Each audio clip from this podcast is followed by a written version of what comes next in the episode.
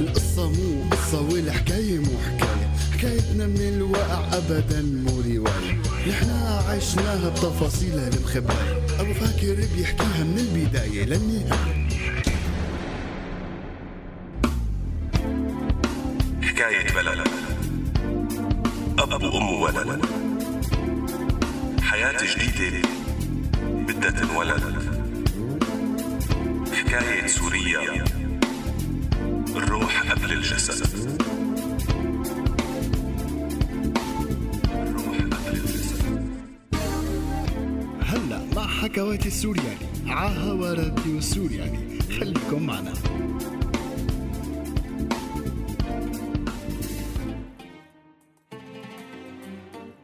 يسعد لي أوقاتكم إخواتي السورياليين الغوالي. مكملين معكم بحكاية دحام وجاسم ورحلتهم يلي مروا فيها بمغامرات غريبة وعجيبة. وكيف بعد ما تصاوب دحام وهو عم ينقذ جاسم قدروا يقطعوا الحدود ويتخبوا بمحل مخفي لبينما يجيب جاسم المساعدة. لكن للأسف لما رجع ما لقى دحام مكانه وصار يدور عليه ومو عرفان شو صار فيه. ممكن تكون الجندرمة شافته واعتقلته. ممكن يكون قام ومشي وضاعوا عن بعض. ممكن يكون شي حيوان شافه وهجم عليه. يمكن ويمكن ويمكن كتير احتمالات. حنعرف حقيقتها بحلقة اليوم. فرستقولنا قعدتكم حتى تسمعوا الجزء الأخير من الحكاية. سوريالي سوريالك سوريا إلنا كلنا. سوريالي سوريالك أنت اللي قادر تغير. أنت ابن البلد.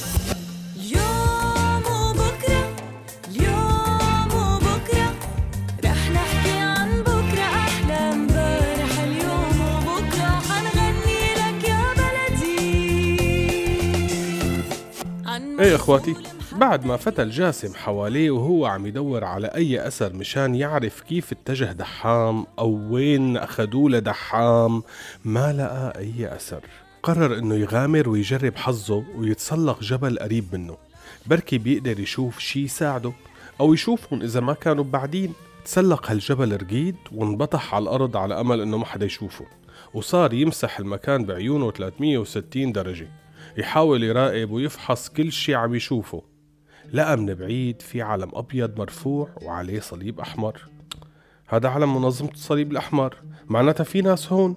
هدول أكيد ممكن يساعدوه بالدوارة على دحام. ركض لعندهم ووصل وهو عم يلهث ومقطوع نفسه. أول ما وصل وشافوه الشباب يلي برا المعسكر فكروه هربان من الجندرمة. ففتحوا له باب الشبك واخدوه على الخيمة وخبوه. حاول إنه يشرح لهم إنه مو هربان من شي بس مضيع رفيقه وبده يسألهم إذا حدا شافه بس ما قدر يحكي شي لإنه ما عم يطلع صوته. شرب مي واخد نفس وحاول يحاكيهم بالإشارات فابتسم واحد منهم وقال له تحكي عربي؟ عربي سأله جاسم فقال له الدكتور إيه وسوري. نحن هون متطوعين بمنظمة أطباء بلا حدود. عم نحاول نعالج فورا يلي بيقطعوا الحدود ومتصاوبين قبل نقله للمشافي ليكملوا علاجهم. فسألوا جاسم عن دحام إنه في رفيق تصاوب ونحن عم نقطع الحدود وتركته هنيك وإجيت ما لقيته. فسألوا الدكتور عن لبسه وشكله لدحام قاموا تأكدوا إنه هو الشاب اللي عندهم. طلعوا شايفينه وهن راجعين من الجولة يلي عم يعملوها. لأنه وقت سمعوا صوت رصاص توقعوا أنه يكون صار في إصابات. فعملوا جولة مشطوا فيها الحدود بعد ما راحت الجندرمة لأنه علاقتهم مع بعض مو كتير منيحة. يعني الجندرمة بتعتبر إنه هدول عم ينزعوا لهم شغلهم لأنهم عم يعالجوا ناس مجرمين عم يقطعوا الحدود بشكل غير شرعي. والأطباء بيعتبروا إنه الجندرمة عم تقنص وتأذي ناس هربانة من حرب مو جاية على تركيا سياحة. فدائما بيصطدموا مع بعض. مشان هيك صاروا يعملوا جولتهم بعد ما تروح الدوريات. ومن حسن حظ دحام إنهم لمحوه وحملوه على خيمة الإسعاف. هونيك كانوا عم يطالعوا له رصاصة وعلقوا له دم وعطوه إبر كزاز والتهاب وكل الشغلات المهمة. وبقي نايم حوالي اليومين بعدها خلوه مرتاح أسبوع. بعدين صار بيقدر يتحرك بس بمساعدة جاسم لأنه الإصابة قوية ومأثرة على عظم الساق. سنده جاسم ونزل فيه على اسطنبول لعند أبو محمد. ابن عمه يلي صار له حوالي سنتين هنيك وهن على الطريق حنروح بريك سريع ونرجع لكم. فانطروني ما بتأخر عليكم.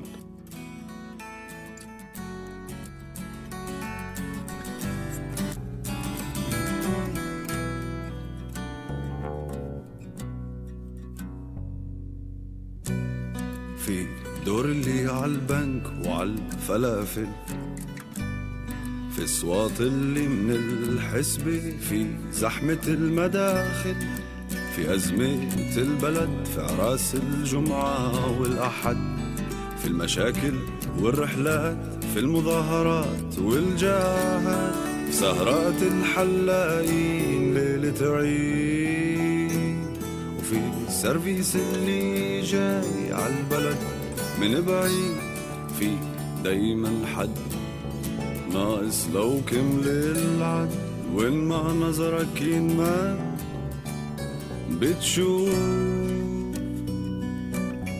هي في ألوان وفي إعلام بترفرف هيها في كل مكان. ما في كلام أبطال بالثورة وفي السلام. إيه إخواتي رجعت لكم كمل جاسم ودحام مشوارهم لاسطنبول هنيك قعدوا عند ابن عمه لجاسم وصاروا يقابلوا شباب سوريين سبقوهم بالجاية على تركيا وصاروا يسمعوا المشاكل يلي عم يواجهوها من شغل بالأسود لأنه ما عم يعطوهم موافقات عمل إلا بطلوع الروح لاستغلال الناس لبعضها وللأسف كتير من يلي عم يستغل حاجتهم هن سوريين وعرب مو بس أتراك. للخوف من بكرة بهالبلد يلي ممكن تنقلب عليهم إذا تغير الحكم فيها مثل ما سبق وصار بمصر وكيف تحولوا السوريين هنيك لمطلوبين بين ليلة وضحاها. كل هالكلام والقصص خلت دحام وجاسم يفكروا إنه كأنه القعدة بتركيا مو كتير حل. حسبوها منيح الرجعة على الرقة صارت شبه مستحيلة أو بالأحرى مستحيلة تماما. داعش عم تحكم سيطرتها على المناطق شوي شوي وعم تسيطر على العالم وتحسسهم بالأمان وتأمن لهم احتياجاتهم. يعني عم تشتغل على إنها تكون فعلا دولة ماسكة أمور الناس وشوي شوي حيتعودوا عليها. والأخطر هي المدارس لأنه بلشوا الأولاد يدرسوا عندهم بمدارسهم ويزرعوا فيهم عقلية داعش والتنظيمات المشابهة. هالشي حيخلي المدينة والمناطق التانية اللي تحت سيطرتهم تصير فعلا تحت سيطرتهم عسكريا وبشريا. وهون بتركيا الوضع مقبول لكنه مو مضمون. بين علاج دحام ومصروف عيشتهم لبين ما يلاقوا شغل المبلغ مو قليل. بعدين الأهم هو أهلهم. مو معقول يتركوهم هنيك عصيانين بالرقة. طيب إذا طلعوهم لهون على تركيا من وين حيصرفوا عليهم؟ بدهم بلد تعطيهم على الأقل حقوق إنسانية يعني على الأقل موافقة عمل معونة لبين ما يلاقوا شغل تأمين صحي يضمن علاج دحام. الظاهر يا رفيقي ما في قدامنا غير أوروبا. نعبر هالحدود مثل ما عم تعمل هالعالم. ونشوف شو بصير معنا. بس المشكلة إنه إصابة دحام بدها أكثر من سبع شهور حتى تلحم ويقدر يمشي غير إنه هو بحاجة لرعاية طبية مختصة. يعني هو هلا لازم يكون تحت ايدين اطباء مختصين يتابعوا حالته حتى يقدر يرجع يمشي بشكل طبيعي. إذا نطروا في خطر إنه يصير يمشي وهو عم يعرج بتكون الشتاء فاتت والطريق صار صعب. شو توكلنا على الله؟ سأله جاسم لدحام يلي ما فهم إنه كيف بدنا نروح وأنا ما عم بقدر أمشي. خلص خلص أنت روح وأنا ببقى هون لأنه أنا ما فيني روح بهي الحالة. فقال له جاسم لا تخاف يا رفيقي مستحيل أتخلى عنك. بتستند علي وبنمشي على مهلنا. ما لنا مستعجلين على شي بنمشي شوي شوي بنرتاح شوي وبنمشي شوي. كل ما لقينا طريقة نركب فيها سيارة قطار أي وسيلة تقطعنا شوي من الطريق ما حنوفرها. المهم نبدأ نتحرك حتى نصل بأقرب وقت وتفوت على المشفى. انطلق جاسم يجهز الأمور وما رد على كل اعتراضات دحام. اتفق مع شباب طالعين على اليونان ركبوا معهم البلم. وغرق البلم بس الحمد لله كانوا قراب من الجزيرة اليونانية فمسك جاسم بستر الدحام وصار يسبح ويسحبه. يسبح ويسحبه حتى وصلوا على الشط. أخذوا نفس هنن وبقية الركاب يلي وصلوا معهم وكملوا طريقهم ووصلوا على أسينا. هنيك كان ناطره شاب مجهز له هويات إسبانية مزورة إنه يعني ممكن مع بعض المكياج تغيير ثياب قصة شعر يصير شكلهم بيشبه الإسبان. وجربوا يفوتوا على المطار يركبوا بالطيارة. لكن الكنترول اللي كان واقف بالمطار اطلع فيهم وابتسم. حكاهم إسباني. فاطلع جاسم بدحام ولفوا ظهرهم لحالهم ومشيوا لبرات المطار. بعد أسبوع جربوا محاولة تانية بهويات إيطالية. بعدها رجعوا جربوا هويات إسبانية. بعدها هيك كل أسبوع يجربوا بهويات شكل على مدى شهرين. قاموا حسوا إنه ما في أمل ما حتزبط من المطار. خلص أخي حنتوكل على الله ونجرب طريق البر. جبت تياب منيحة وعدة بتساعدنا والموبايل جهزته بشريحة دولية فيها إنترنت مشان نبقى متصلين بجوجل مابس لنشوف طريقنا وين. جهز حالك بكرة الفجر حننطلق. استلموا الطريق ومن حظهم إنه وقتها لسه ما كانت الناس عم تجازف كتير بالسفر برا فما كانت الشرطة مستنفرة على الحدود. لكن الطريق بيبقى خطر وصعب. بين حرامية وقطاع طرق كلاب شاردة وبرد ومفاجآت كانت رحلة ما بينسوها بعمرهم.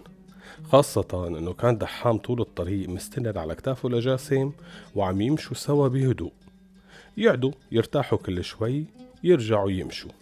الناس وقت تشوفهم ما يخطر ببالهم إنهم عم يتسللوا ويجتازوا الحدود بطريقة غير شرعية لأنه شكلهم كتير مكشوف فكانوا يفكروهم سياح وواحد منهم واقع وفاكش رجله. هيك كملوا مشوارهم حتى وصلوا على ألمانيا. استغرقت الرحلة معهم شهر كامل لأنه كانوا أحيانا يناموا ليلتين أو ثلاثة بضيعة لأنه الوجع يشتد على دحام خاصة مع البرد والرطوبة. فيبقوا منتظرين حتى يخف الوجع ليكملوا رحلتهم. رحلتهم يلي مشيوها وكل واحد مستند على رفيقه رحلتهم يلي بديت من أكثر من عشرين سنة وقد دافع دحام عن جاسم بالمدرسة وهن صغار.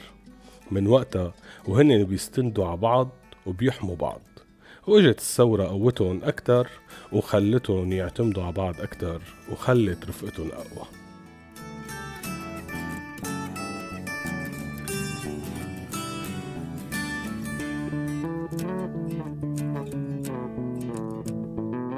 وهيك بتكون خلصت حكاية الرفقة ورحلتهم بس هن مكملين بحكايتهم حكاية حياتهم. هلا عم يدرسوا لغة ودحام صار عامل أربع عمليات برجله وبلش يمشي بشكل طبيعي. بس على البرد بتوجعه رجله يعني. جاسم عم يعمل تدريب مهني ليبدأ شغل بعد فترة وقدموا طلب لم شمل لأهلهم بس ما قدروا يجيبوهم لأنه لازم يكونوا عم يشتغلوا حتى يسمحوا لهم إنهم يجوا. لكن لساتهم عم يحاولوا يلاقوا طريقة. الأسبوع الجاي بلاقيكم مع حكاية جديدة. استودعناكم في قلوب يما لسه بتستنى. بدقيقة زيارة بدقيقة زيارة تحلم وتتمنى تحلم وتتمنى. في عيدين لسه ما وصلت. في فرحة في فرحة لسه ما كملت. في وعد مش عم بيصير. في نسر مش راح يطير. بحداشر ألف محل فاضي. في 11 ألف محل فاضي. في 11 ألف محل فاضي وفاضي. في دورني والعصير هذا البرنامج من إنتاج راديو سوريالي 2016 عم تسمعوا راديو سوريالي. على فكرة هذا مو راديو.